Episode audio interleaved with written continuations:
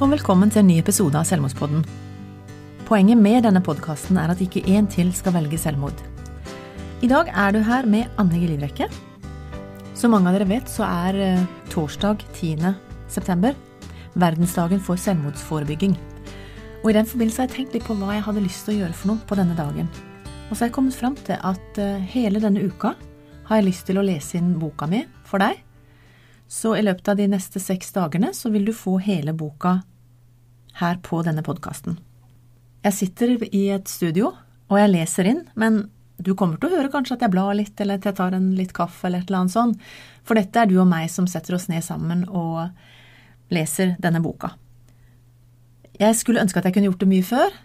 Jeg har lest ett kapittel inn, men nå skal dere altså få, sånn at dere fortløpende kan få lov til å bare sitte og lytte til boka, for dere som syns det er en god måte å lese en bok på. Som dere vet, så har vi hovedfokus på unge menn som er usynlig deprimerte. Og det er jo at ikke de snakker om dette her som de sliter med. Vi kommer til å fokusere på historier, og du kommer til å møte mange forskjellige mennesker som har tanker rundt dette temaet. Og som nevnt, i dagens episode skal jeg lese innledning og første kapittel av boka Å miste en sønn i selvmord, med undertittel Gutten som alltid smilte. Innledning. Jeg skriver denne boka under fire uker etter at min elskede og hjertegode sønn Thomas tok sitt eget liv. Min eneste sønn ble bare 27 år gammel, og ingen av oss hadde noen idé om at han slet med tanker om å ikke orke livet lenger.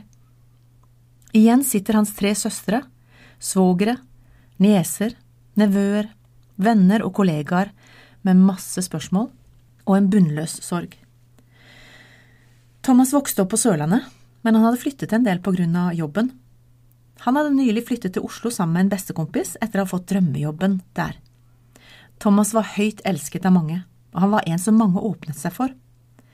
Vi er en åpen familie som snakker om alt mulig, både vonde og gode ting. Thomas likte ikke når noen ble baksnakket. Han hadde et behov for å passe på de rundt seg, og han så oss. Han var alltid blid og full av liv. Men midt i alt dette var det altså et mørke som han aldri klarte å snakke om et mørke og en smerte som han selv ikke så noen løsning på, bortsett fra dette ene utenkelige. Jeg har satt av fem dager til å sitte hjemme og skrive. Mesteparten av boka er skrevet da, men jeg trengte mer tid før den kunne utgis. Derfor er det noen ekstra kapittel med våre opplevelser de første seks månedene etter selvmordet. Vi har opplevd mer enn vår andel av utfordringer i familien.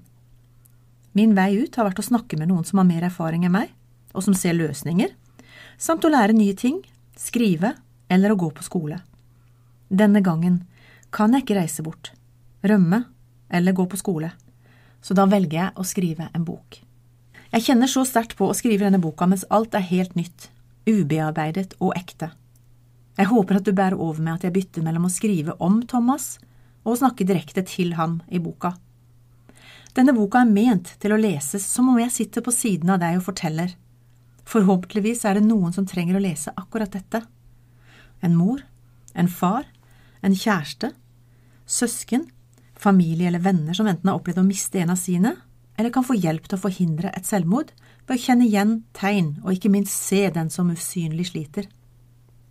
Det største ønsket jeg har med boka, er at én person som opplever et ufattelig vondt mørke og håpløshet, slik som Thomas gjorde, skal ta et dypt pust og tenke Jeg ser ikke veien videre, Mørket jeg kjenner på nå, er for vanskelig og kaldt.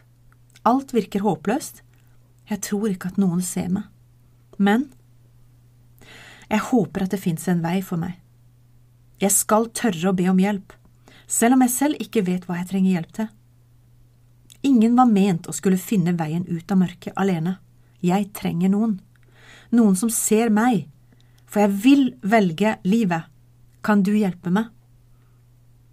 Hvis du er akkurat der nå, min venn, så bruk mine ord. Kopier dem, send dem til en person som du har tillit til. Nå! Jeg lover deg at det fins en vei ut av mørket. Du trenger bare at noen går sammen med deg som har gått veien før, og har tatt med lommelykt, masse kjærlighet og varme. Første kapittel Unnskyld. Det første jeg må si til alle, er unnskyld. Slik startet mailen du sendte meg den skjebnesvangre dagen 9. august 2019 klokka 10.08. Jeg satt på en kafé med et team med ungdommer i TV Pro Norge-teamet, og vi forberedte oss på å lage rapportasjer under Arendalsuka. Min første tanke var Thomas, er du forsinka med innbetaling på lånet og lurer på om jeg kan hjelpe deg i en knipe? De følgende ordene jeg leste, gjorde at hårene reiste seg på kroppen og jeg ble iskald inni meg. Jeg vet at dette kan komme som et sjokk på de aller fleste, ettersom jeg nærmest aldri har vist noen at jeg sliter. Jeg leser den setningen en gang til og tenker, hva skjer, Thomas, du har aldri sagt du sliter, du lever drømmen din i Oslo, med verdens beste venner, en drømmejobb med kollegaer du bare skryter av, og du reiser masse, hva mener du? Jeg reiser meg og løper bortover gangen i kjøpesenteret før jeg tør å lese videre. Jeg synes selv dette er den mest egoistiske måten jeg kan løse problemene mine på, men jeg har virkelig prøvd å overtale meg selv til å snakke med noen i flere år, men jeg har alltid hatt en sperre for det, uten å vite hvorfor. Tankene raser gjennom hodet mitt. Hva er den mest egoistiske måten å løse problemene dine på? Du var jo nettopp hjemme, og vi pratet timevis om alt og ingenting. Før jeg leser videre, får jeg et glimt av deg i sofaen fra ditt siste besøk, der vi snakket om ganske dype ting. Din tro, min tro, hvordan alt ble til, hva eller hvem som ligger bak og styrer. Du viste meg flere filmer, blant annet en dokumentarserie du hadde sett mye på, One Strange Rock med Will Smith. Jeg var så vant med at du alltid ønsket å dele din siste kule filmen du hadde sett. Temaene svingte veldig fra badass-filmer Heter det badass? Der folk gjorde ville stunt, via tryllekunster og musikkvideoer til egenproduserte filmsnutter. Vi lo alltid mye av det du viste, og du fikk alltid god tid til å vise søstrene dine og meg det siste nye. Jeg reagerte derfor ikke spesielt på at du sa du hadde sett mye på dokumentarer om skapelsen og universet i det siste, at du var veldig opptatt av slike ting. Du visste jo at jeg er en kristen, eller superkredo, som dere kalte det, og helt siden du var liten har du fått inn alt dette med Gud og Jesus og et liv etter døden.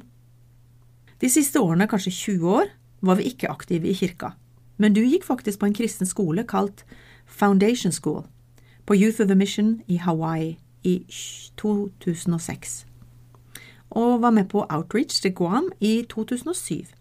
Der bodde vi i et knøttlite hus sammen med 16 ungdommer og drev arbeid for å hjelpe hjemløse og flere andre hjelpetiltak. Siste kvelden jeg så deg i live, satt vi altså henslengt og så på filmer og pratet om livet og døden. Du ønsket å overnatte, noe du sjelden gjorde, fordi du måtte jo alltid innom vennene dine jeg syntes det var kjempekoselig. Og Miriam ga deg gladelig sin seng så du kunne sove godt. Du hadde jo tross alt brukket ryggen for noen år siden, og slet litt med smerter i ryggen ennå. Når jeg skriver dette nå, så sitter jeg faktisk og griner. Hvorfor klarte jeg ikke å se smerten din, Thomas? Hvorfor klemte jeg deg ikke mer? Hvorfor spurte du ikke om å få bli hjemme til du kunne få hjelp? Du vet jo at både de tre søstrene dine og jeg ville gjort hva som helst for deg. Du er vår eneste gutt og verdens beste sønn og store lillebror. Jeg måtte ha en liten pause i skrivinga nå. Det er fire uker siden du valgte å ta ditt eget liv, og selv om jeg har fått litt hud tilbake på kroppen, skal det lite til før smertene og fortvilelsen er tilbake. Det er så mye som minner om deg. En mor som klemmer sønnen sin på gata. Et par som gifter seg. Og noen som ligner på deg, gjør at tårene renner. Du førte eldstesøsteren din opp kirkegulvet, og begge de to andre søstrene ønsket at du skulle gjøre det samme for dem. Og vi var så spent på hvem du ville velge å dele livet med etter hvert. Som eneste gutten med fire jenter rundt deg var kun det beste godt nok for vår Thomas. Alt dette får verken du eller vi oppleve.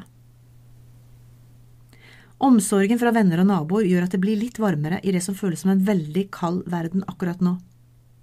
En melding eller et besøk fra en av dine mange venner, eller en nabo som kommer innom med blomster eller suppe, en telefon fra noen som bryr seg, det varmer. Jeg benyttet pausen til å ringe tre telefoner. Det har blitt mange vanskelige telefoner i disse ukene. I dag er det forsikringsavtaler som må sies opp, siste nytt fra advokaten om skifteattest, hva skjer med bilen din, omadressering av posten og oppdatering med begravelsesbyrå. Lista tar liksom aldri slutt. Nå er jeg klart å gå tilbake til fredag 9. august igjen.